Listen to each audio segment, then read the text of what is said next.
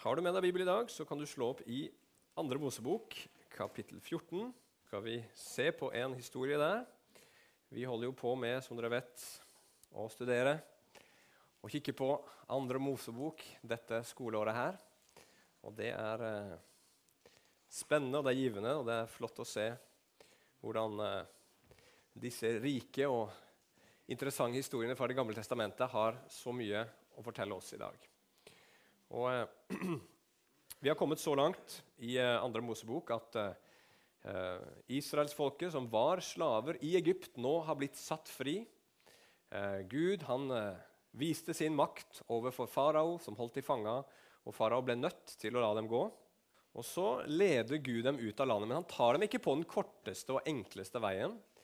Han leder dem inn i ørkenen, og eh, til og med et bestemt, eh, til et bestemt sted hvor de sitter med havet på den ene siden, fjellet på de andre sidene, virker det som, og den veien de kom fra på den siste siden. Så Gud han leder dem til et vann, et dypt vann. Eh, Bibelen kaller det for Sivsjøen eller Rødehavet. Ingen er helt sikre på nøyaktig hvor dette her skjedde i dag. Og Det er heller ikke så veldig viktig. Poenget er at de var ved et stort, dypt vann. Og Her hadde de slått seg ned, nettopp fri fra farao. Og så skal vi lese hva som skjedde da. Og Da kan dere få slå opp i som sagt, 2. Mosebok kapittel 14. Kapittel 14, og Vi skal lese først fra vers 5 til 14, og så fra 21 til 31. Der står det Det ble fortalt kongen i Egypt at folket hadde flyktet, og hjertet til farao og tjenerne hans ble vendt imot folket. De sa, 'Hvorfor har vi gjort dette, så vi lot Israel forlate slavearbeidet for oss?' Så spente han for vognen sin og tok folket sitt med seg. Han tok med seg 600 av de beste vognene og alle vognene i Egypt med befalingsmenn på hver av dem. Herren forherdet faraos hjerte, kongen i Egypt, så han forfulgte Israels barn. Men Israels barn dro ut med løftet hånd. Egypterne forfulgte dem, alle hestene og vognene til farao, krigerne på vognene og hæren hans, og de innhentet dem der de hadde slått leir, ved havet, utenfor Pihakirot, like ovenfor Baal Safon. Da farao nærmet seg, løftet Israels barn blikket, og se, egypterne satte etter dem. Da ble de svært redde, og Israels barn ropte til Herren. Da sa de til Moses, er det fordi det ikke fantes graver i Egypt, at du har tatt oss med for å dø i ørkenen? Hvorfor har du gjort dette mot oss og ført oss ut av Egypt? Er ikke dette det vi talte til deg i Egypt, da vi sa, la oss være i fred, så vi kan trelle for egypterne? For det hadde vært bedre for oss å trelle for egypterne enn å dø i ørkenen. Moses sa til folket, frykt ikke, dere skal bare stille dere opp og se Herrens frelse, som Han skal fullbyrde for dere i dag. For slik dere ser egypterne i dag, skal dere aldri i evighet se dem igjen. Herren skal stride for dere, og dere skal være stille. Og Så hopper vi til vers 21. Så rakte Moses hånden ut over havet. havet drev, Herren drev havet tilbake med en kraftig østavind som blåste hele natten. Havet ble til tørt land, og vannet ble kløvd. Så gikk Israels barn midt gjennom havet på tørr grunn, og vannet sto som en mur for dem på høyre og venstre side. Egypterne forfulgte dem, og alle faraos hester, vogner og krigerne på vognene hans kom etter dem ut mot midten av havet. Da skjedde det. Under morgenvakten så Herren ned på egypternes fylking fra ild og skystøtten, og han sendte forvirring blant egypternes fylking. Han slo hjulene av vognene så det ble tungt å kjøre videre. Egypterne sa, 'La oss frykte, flykte fra Israels åsyn, for Herren strider for dem mot egypterne.' Da sa Herren til Moses, 'Rekk hånden din ut over havet, så vannet kan vende tilbake over egypterne og vognene og krigerne på vognene deres.' Moses rakte hånden ut over havet. Da morgenen grydde, vendte havet tilbake til sitt vanlige nivå, mens egypterne flyktet rett ut i det. Herren styrtet egypterne midt ut i havet. Så rant vannet tilbake og dekket vognene, krigerne på vognene og hele faraos hær, som hadde satt etter, dem, satt etter dem ut i havet. Ikke én av dem kom seg unna. Men Israels barn hadde gått på tørr grunn midt gjennom havet, og vannet, og vannet sto som en mur for dem både på høyre og venstre side. Slik frelste Herren Israel fra egypternes hånd på den dagen, og Israel så egypterne ligge døde på stranden ved havet. Israel fikk se Herrens mektige hånd, som han hadde brukt mot Egypt. Folket fryktet Herren, og de trodde på Herren og hans tjener Moses. Kjære himmelske Far. Herre, vi ber deg her i dag om at denne mektige historien fra Det gamle testamentet, som eh, israelsfolket har bedt og sunget om gjennom hundrevis av år, og som vi kristne også har tenkt på og bedt over og, og sunget om, Herre, og tenkt på så mye, Herre, at den må bli levende for oss her. At vi kan se at dette her er noe mektig og virkelig og levende, Herre, som du vil si til oss, som du vil lære oss, Herre, om frelse, om din makt, om din nåde, om ditt verk, Herre. Må du hjelpe meg i dag ved din ånd, Herre. Fyll meg, Herre, så jeg kan tale dine ord med kraft og autoritet, Herre. Sånn at det kan oppklare, Herre, og, og opplyse vårt hjertes øyne, Herre. Så vi kan bli berørt av det du har gjort for oss, Herre. Så våre liv kan bli forandra, Herre. Sånn at vi, Herre, kan gå ut i dag med Herre, et større bilde av hvem du er. Et større åpenbaring og forståelse av hva du har gjort, Herre. Og en større lengsel, Herre, etter å leve i den frihet du har kalt oss til. I Jesu Kristi navn. Amen. I dag så eh, er min overskrift 'Et hav av forskjell'. Og Vi skal se på tre ting i dag. Vi skal snakke om hvorfor vi trenger frihet, hvordan vi blir fri, og hva denne friheten som Gud kaller oss til, vil si. Ok, Hvorfor vi trenger frihet? Israelsfolket hadde endelig funnet frihet etter enormt mange år i fangenskap. Vi vet ikke nøyaktig hvor mange. Eh, og de hadde opplevd en frihet som vi hørte om for tre uker siden. En frihet fra Guds dom under påskefeiringen. Eh, og nå var de ute liksom av Egypt. De var fri, men allikevel så var de ikke helt fri. Hvorfor det? Jo, fordi farao han var fullt levende fortsatt. Han var fortsatt veldig mektig, og han var fortsatt fryktelig ustabil. Først ville han la de reise, men nå fant farao ut, ut, at han hadde gjort en veldig dum ting. For her hadde han hatt masse billig arbeidskraft, bare reise av gårde. Så dette her måtte han gjøre noe med. Så han eh, spenner for hesten sin, tar med seg hele hæren sin, og så begynner han å jakte på israelsfolket for å få dem tilbake igjen. Helst levende, men om ikke så døde. Så Guds folk er ikke fri. Og det, det litt spesielle her er jo det at Gud, i tillegg da, til at Gud vet at farao er på vei, så fører Gud da Israelsfolket inn i en blindvei. Havet på den ene siden, antageligvis fjeller på, på, sidene. Og så var det liksom bare det ene stedet som farao kunne komme inn, eller der han kom inn, det var det eneste utflukt, ja, utveien, eh, fluktmuligheten de hadde. Så eh, Gud vil virkelig at de skal innse at de er skikkelig fanga. Og For tre uker siden så snakka vi om vårt behov for tilgivelse. fordi vi er under Guds dom. ikke sant? Men nå skal vi snakke om en annen ting som også er enormt viktig. En ting til som tilgivelse ikke løser i våre liv. Nemlig at vi også, akkurat som israelsfolket, er slaver under krefter som Gud vil sette oss fri fra. Kristen tro er ikke bare tilgivelse, men det er frihet. Og hva er det vi mennesker er slaver under? Jo, det fins flere ting. Jeg skal peke på to ting her i dag. For det første, Johannes 8, vers 34. Der sier Jesus Sannelig, sannelig, sier jeg dere, den som gjør synd, er syndens slave. I vårt samfunn i dag så er vi enormt påvirka av en sveitsisk-fransk filosof som het Jean-Jacques Rousseau. Hvor mange har hørt om Rousseau her? Ok, Han sa mennesket er født fritt, sa han, men overalt ser jeg det i lenker. Så Han mente at det var samfunnet og strukturene rundt oss som gjorde at mennesket ble bundet. Men Jesus han sier noe helt annet. Han sier mennesket er født som slave. Derfor er det overalt i lenker. Mennesket er født slave fordi mennesket er født en synder og alle mennesker gjør synd, og når vi gjør synd, så blir vi syndens slave. Og hvordan fungerer det? Jeg kan huske den dagen da jeg ble en baksnakker.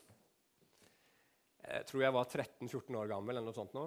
Jeg var uh, ute en kveld, gikk med en kamerat, skulle hjem, tror jeg. Hadde vært på sånn ungdoms, uh, uh, ungdomsklubb på bedehuset.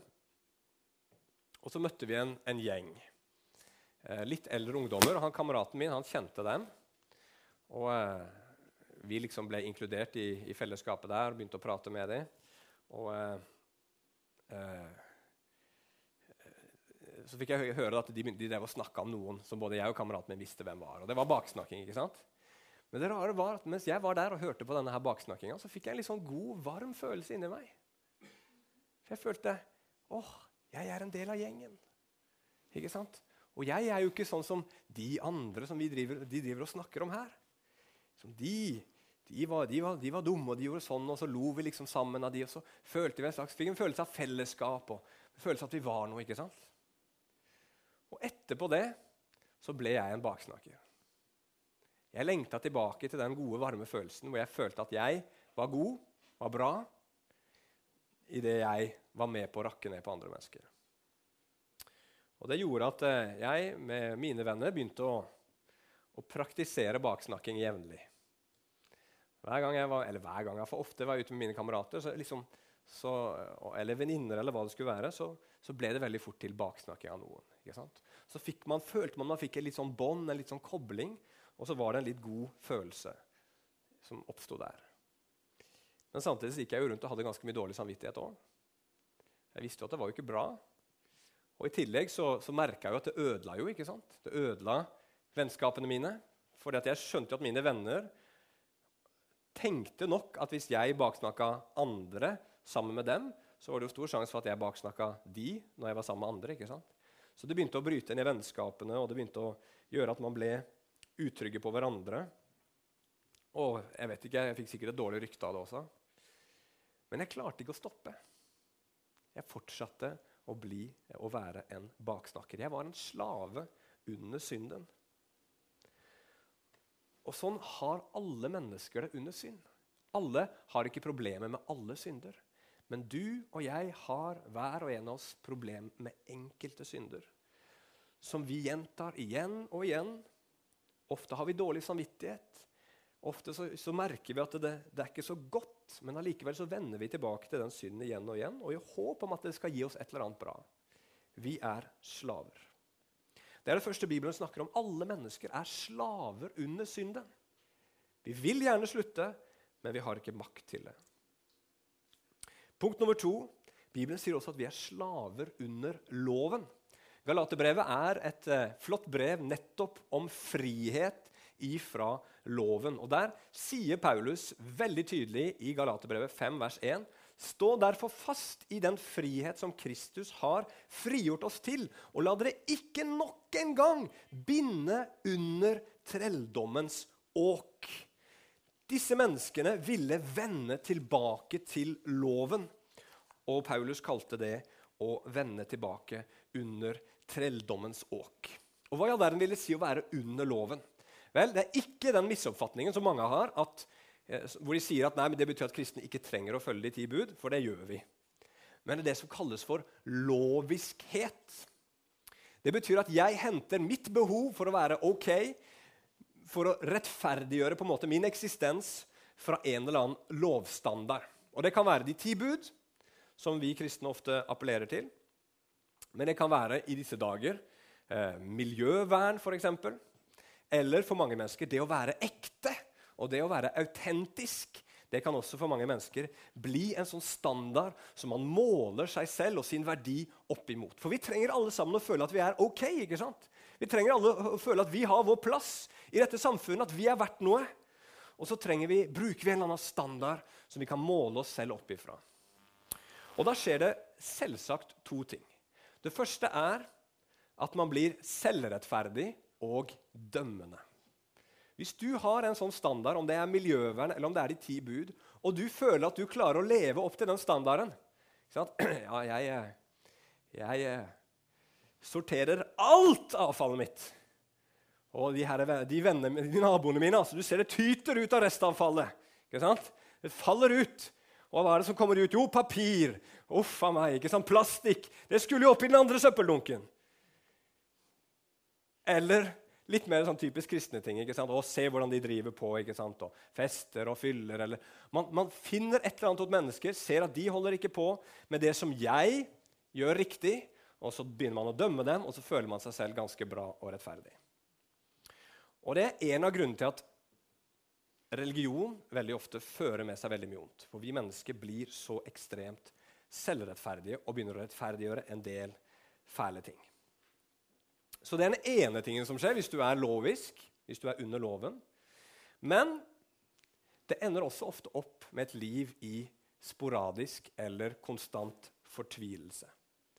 Hvorfor det? Jo, for at Uansett hvilken standard du vil leve opp etter, så kommer du også til å feile og ikke klare å leve opp til din egen standard. Alle moralister blir hyklere. Og når man faller så det synger, så mye at man ikke klarer å dekke over det og skjule det for seg sjøl, så føler man på fortvilelse. Å, for meg. Liksom. Jeg er like ille som alle andre. Og hva gjør man da? Jo, da må man jo prøve å forsøke å føle at man er ok igjen. ikke sant? Så da må man jobbe dobbelt så hardt. Og gjøre enda mer godt og sortere enda mer og bedre avfall. Og liksom begynne å ta mat, eller de her emballasjen fra hverandre. Skille papiret fra plastikken. ikke sant? Putte i hver sin dunk. Åh, nå har jeg gjort noe fra planeten. Nå har jeg blitt litt bedre. Eller for den som kanskje er litt mer religiøs. ikke sant? Be litt mer, f.eks. Eller gi litt mer penger. Eller eh, et eller annet som gjør at man kan føle seg litt bedre, og at man når opp igjen på det nivået som standarden krever. Og så tipper man over i selvrettferdighet igjen. Og så faller man i fortvilelse igjen. Og så er det opp i selvrettferdighet. Og så lever vi litt sånn alle sammen så lenge vi er under loven. Og Er du litt mer sånn følsomme typen, så lever du kanskje mest i fortvilelsen. Er du litt mer den selvsikre typen, så lever du litt mer i selvrettferdigheten. Men uansett så er man slaver av den loven. Man har ikke noe annet enn den loven å leve livet sitt ut ifra. Og Her om dagen så leste jeg en ganske interessant kronikk eh, på NRK Ytring. Eh, Tittelen egner seg kanskje ikke helt fra talerstolen i eh, en eh, kirke, så derfor så omskriver jeg den bitte lite grann. Tittelen var 'Verden går til Helgoland' for å si det sånn. Og Forfatteren han forklarer hvordan hans venner, som alle er for spesielt miljøvern, de samtidig flyr masse, kjøper masse billige ting fra Kina på Internett som, som, som forurenser der nede, og som må fraktes tusenvis av kilometer opp til de, eh, og, og, og, generelt lever det motsatte av det de preker. Så Han kaller de for idioter. Jeg synes bare dette Sitatet her var veldig bra. Han sa mine venner stemmer på alle andre partier enn Frp. Det skulle tatt seg ut. At de stemte på Frp. De bare lever som om de gjorde det, sier han. Ok, Det er ikke noe mot Frp her, altså. Men, men, men helt til slutten av artikkelen så innser han at han kanskje ikke er så veldig mye bedre sjøl. Han innser at han òg flyr jo altfor mye. Og Han også holder jo på med både det ene og det andre. Og han unnskylder seg sjøl, men de andre de slår han hardt ned på. Men han har ikke noe løsning. Hva kan han gjøre? Han har jo bare denne miljøvernsloven i hodet sitt som han må leve ut ifra. Han har ikke noe svar. Han er en slave. Og sånn er vi alle sammen ut fra en eller annen standard som vi har satt på våre liv, som vi tenker denne standarden her er den som forteller meg om jeg er et godt menneske, om jeg er et verdifullt menneske eller ikke. Og da er det store spørsmålet, og vi, vi, er slaver av andre ting. Det finnes en djevel i denne verden som binder oss på forskjellige måter. Vi har snakka tidligere om avguder som, som, også binder oss. og Det er så mange ting som binder oss i dette livet. her. Vi er slaver alle sammen. Og hvordan kan et menneske bli fri? Det er punkt nummer to. Og La oss gå tilbake til israelsfolket. Hvordan skulle israelsfolket bli fri fra egypterne og farao. De havna i en situasjon hvor de bare innså at de var fullstendig maktesløse. De kunne ikke gjøre noen ting, og de begynte å klage til Moses og klage til Gud. De hadde jo hatt det mye bedre i Egypt enn det de hadde det nå. Vi skal ikke si så mye om det i dag, for det blir et uh, gjentagende tema seinere i andre Mosebok. Men så er spørsmålet, hva svarer Moses da? Når de ser at oi, vi er ikke fri allikevel, vi er fortsatt bundet. Hvordan kan vi bli fri? Jo, Svaret til Moses er følgende i kapittel 14 og vers 13. Frykt ikke. Dere skal bare stille dere opp og se Herrens frelse, som Han skal fyllbyrde for dere i dag. For slik dere ser egypterne i dag, skal dere aldri i evighet se dem igjen. Herren skal stride for dere, og dere skal være stille. Hvordan kan du og jeg bli fri fra slaveri under synd, under lov, under djevel og under avgudene? Jo, Bibelens svar er enkelt. Du kan ikke gjøre noen ting. Like lite som Israels folk i denne situasjonen var i stand til å kjempe eller flykte fra egypterne, så kan vi bli fri fra disse kreftene i våre liv i egen kraft. Gud må gjøre det for deg. Akkurat som han gjorde det for Israel. Og det er det Bibelen kaller for nåde. Og det som skjer er at Moses han løfter staven sin utover vannet. Det deler seg i to. Det står opp som en vegg eller en vold på hver side. Israelsfolket kan gå tørrskodd over på den andre siden. Farao og hæren hans de ser liksom at oi, nå glipper eh, arbeidskraften vår mellom fingrene våre, så han blir enda mer forherda i hjertet sitt og farer midt ut i dette greiene her og, og jager etter dem. og Der begynner hjulene å falle av på vognene når de er omtrent midt ute i vannet. Så løfter Moses staven sin på nytt igjen og vannet faller tilbake, og slavedriverne er utsletta for alltid. Nå er Israel fri. Men Det er litt rart med denne historien her, hvis du tenker over det. For hvorfor i all verden valgte Gud å sette Israel fri fra faraos makt på akkurat denne måten? Altså, Hvorfor kunne ikke heller Gud når Israel sto der, og, og farao kom liksom med hæren sin, for kunne ikke Gud bare latt det dale en gigantisk betongblokk ned fra himmelen? Boom, over hele hæren til farao. Så var det slutt. Hvorfor skulle Gud absolutt ha dem gjennom vannet? Og på den andre siden gjøre dette voldsomme mirakelet og først kjøre Israel gjennom der. Han kunne bare flytta vannet over juff, over farao og liksom bare drukne de på den måten. Han kunne gjort det også. Men her, han skal først ta Israel ned i vannet, gjennom det, og så farao etter, og så skal han utslette dem. Hvorfor det? Jo, fordi at frelse og frihet, sånn som Bibelen snakker om det, er ikke bare noe som må skje på utsiden av oss. Det er ikke bare ytre ting vi må bli fri fra, men vi trenger også å få frihet på innsiden. Gud må gjøre noe i meg, Gud må gjøre noe i deg, som denne handlingen i andre Mosebok peker på. Hva da? Jo, for det første, noe må dø. Hvis du leser Bibelen, så ser du at vann veldig ofte er et symbol på død. Salme 69 for eksempel, taler om det. For det andre så er det noe som må bli født på nytt. Og når jeg satt og forberedte meg til dette, her, så kom jeg til å legge merke til et par ting. Og det er at når Gud skaper, så er det alltid sånn at når Gud skaper, så, så, så er det vann involvert, og så er det ånd involvert. Helt i begynnelsen så står det at eh, Guds ånd svevde over vannene rett før Gud skapte verden ut av vann. Og Så får du litt senere Noah. Gud utsletter en ondskapsfull verden med vann. Og så kommer det en ny verden ut av det. Hvordan da? Jo, det kommer en vind. står det. Og På både hebraisk og på gresk så er ånd og vind nøyaktig samme ord. Da kommer det en vind som begynner å blåse over jorda, og så synker vannet, og så kommer det en ny verden ut fra flommen, som er rensa og ren. Og hva er det som skjer her? Jo, Gud fører sitt folk gjennom vann. Men hva er det som får denne eh, kløvingen til å finne sted? Jo, det er vind som blåser. Som blåser dette vannet fra, eh, fra hverandre. da. Med andre ord så er dette her et symbol på en ny skapelse, en ny fødsel. Og det blir enda sterkere når du plutselig går til Det nye testamentet, Johannes 3, og leser fra vers 3 til 5. Jesus svarte og sa til ham Nå snakker jo Jesus med denne herre Nikodemus. Sannelig, sannelig, sier jeg deg, den som ikke blir født på ny, kan ikke se Guds rike. Nikodemus sier til ham, 'Hvordan kan en mann bli født når han er gammel?' 'Hvordan kan han for andre gang komme inn i sin mors liv og bli født?' Jesus svarte, 'Sannelig, sannelig, sier jeg deg, den som ikke blir født av vann og ånd, kan ikke komme inn i Guds rike.' Ser du at det er akkurat samme bilde her? Om en ny fødsel, eller som Bibelen også vil kalle det, en ny skapelse. Du må bli noe nytt. Noe i deg må dø, og noe nytt må fødes for at du skal bli fri. Du må bli skapt eller født av Gud. Og Legg merke til at dette her er et enten-eller. Enten så er du født av Gud, eller så er du ikke. Enten så er du Guds barn, eller så er du ikke. Enten så er du slave, eller så er du fri. Enten så er du tilgitt eller ikke. Å være en kristen er et enten-eller. Enten så har Gud gjort noe i livet ditt, eller så har han ikke gjort noe. Og hvis Gud har gjort noe, så er du en kristen. Hvordan skjer det i ditt liv? For Israel så var det mulig ved Moses. Det var han som var redskapet som Gud brukte for å føre sitt folk gjennom vannet og ut på den andre siden. For oss så er det mulig gjennom Jesus.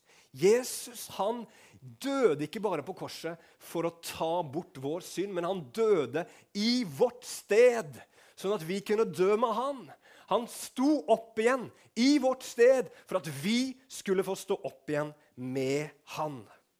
La oss lese fra Romerne 6, 3 og vers 6, som bare beskriver dette her på en veldig sterk måte. Der står det, Eller vet dere ikke at alle vi som ble døpt til Kristus Jesus, ble døpt til hans død? Vi ble altså begravd med ham ved dåpen til døden, for at slik som Kristus ble oppreist fra de døde ved Faderens herlighet, slik skal også vi vandre i et nytt liv. For hvis vi er blitt forenet med ham i likhet med hans død, da skal vi også bli det med oppstandelsen. For vi vet dette, at vårt gamle menneske ble korsfestet med ham for at syndelegemet skulle bli fratatt sin makt, så vi ikke lenger skulle være slaver under synden. Et kristent menneske er ikke bare et menneske som har fått tilgivelse for sine synder, men et menneske som har dødd med Kristus, og som har blitt oppreist med Kristus til et nytt liv, så man ikke lenger er en slave under synden. Hvordan skjer det, da? Hvordan skjer det i ditt liv? Hvordan kan det skje i mitt liv? Vel, entydige svaret i hele Bibelen på dette her, hvordan kan jeg bli frelst? Det er ved tro på Gud. Og for israelsfolket så hadde de tro på Moses, som var Guds representant. For oss så gjelder at vi har tro på Kristus, som er Gud, mellommann mellom oss og Gud.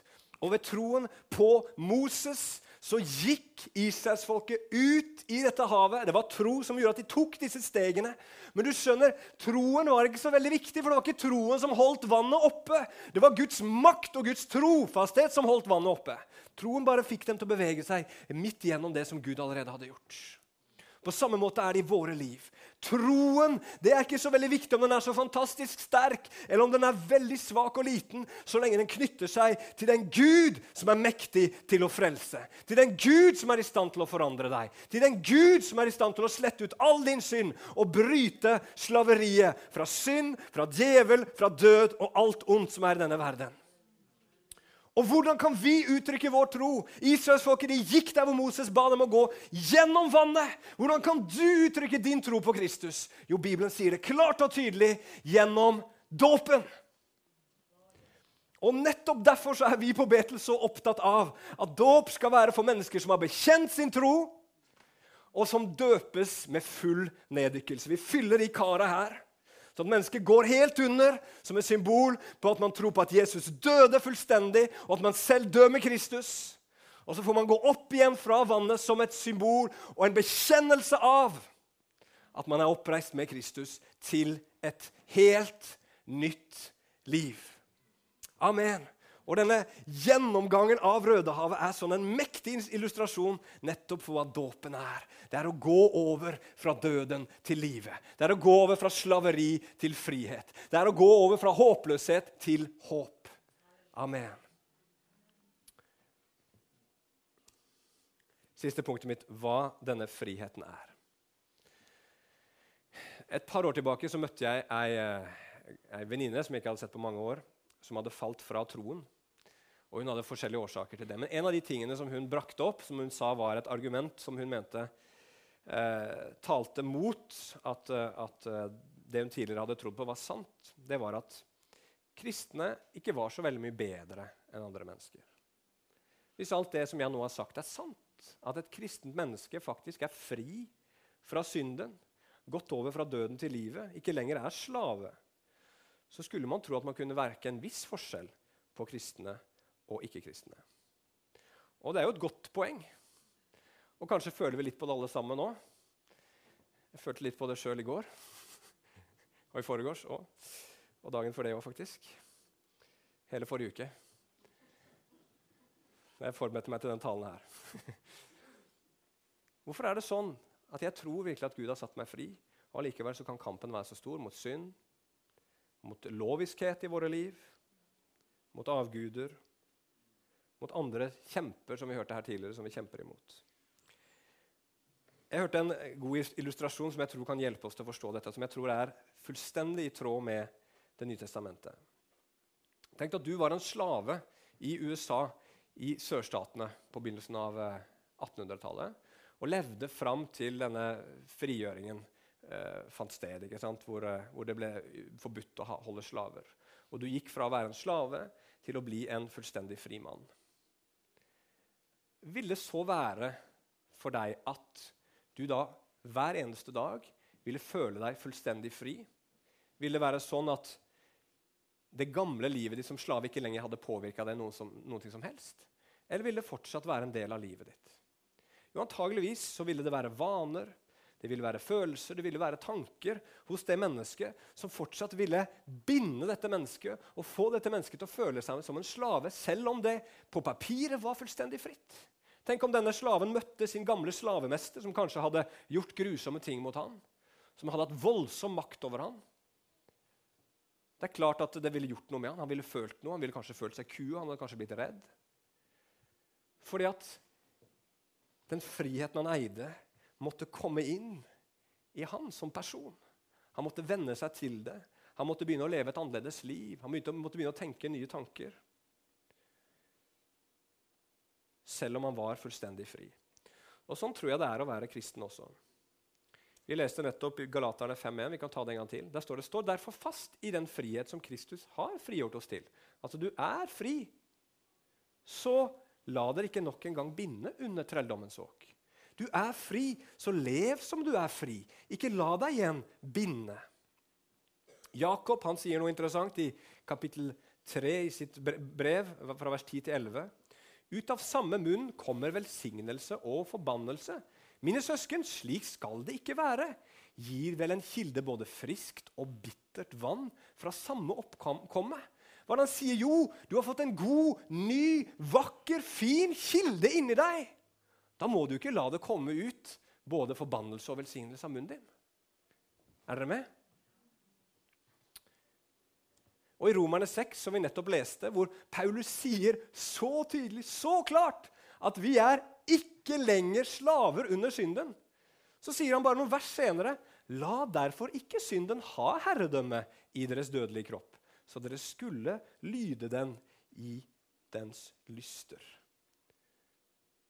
Så det han prøver å fortelle oss, og det som vi også trenger å forstå, er at jo, vi er fri. Hvis du tror på Jesus, hvis du har gitt han din tillit, og du stoler på det han har gjort, så har Gud allerede satt deg fri fra synden, fra loviskhet, fra avguder og fra alt ondt som vil ødelegge livet ditt. Du er fri. Så lev da som om du var fri. Det er det Det nye testamentet igjen og igjen vil fortelle oss. Og hvordan kan man gjøre det? Jeg har et par praktiske tips her helt til slutt. For det første Kle deg i Kristus hver eneste dag. De av dere som uh, har gifta dere, dere hadde en spesiell dag hvor dere gikk i noen veldig veldig fine klær ikke sant? på bryllupsdagen. Og det er ikke når du liksom har tatt på deg bryllupsklærne, og du plutselig kommer på at du hadde tenkt å vaske steikeovnen i går, at du tenker 'Å, det må jeg få gjort'. Og så går du der med bryllupsklærne og begynner å skrubbe inn i steikeovnen. Du gjør ikke det, sant? For du har kledd deg i din fineste prakt. Det er ikke da du bestemmer deg for å ut og koste i gårdsrommet med de fine bryllupsklærne. Fordi at du vil ikke skitne de til. Og Litt av problemet vårt tror jeg at vi rett og slett bare glemmer hvem vi er. Hvem er du? Jo, du er den som har blitt tilgitt all synd. Jesus har tilgitt deg alle dine synder. Du er Guds elskede barn. Du var død, men nå lever du. Du har blitt en ny skapning. Det gamle er borte, se, alt er blitt nytt. Du er et menneske som lever med håp. Og håpet blir ikke til skamme, står det i Bibelen. For Guds kjærlighet er utøst i våre hjerter ved Den hellige ånd, som er oss gitt. Vi trenger å minne oss selv på hvem vi er. Du trenger å bruke munnen din til deg selv. Vi trenger å bare huske hvem er jeg? Jesus har jo satt meg fri. Jeg vil ikke igjen la meg legge under trelldommens åk. Minn deg sjøl på hvem du er. Kle deg i Kristus, for du er i Kristus. Minn deg selv på hva Kristus har gjort, for det er fullbrakt. Amen.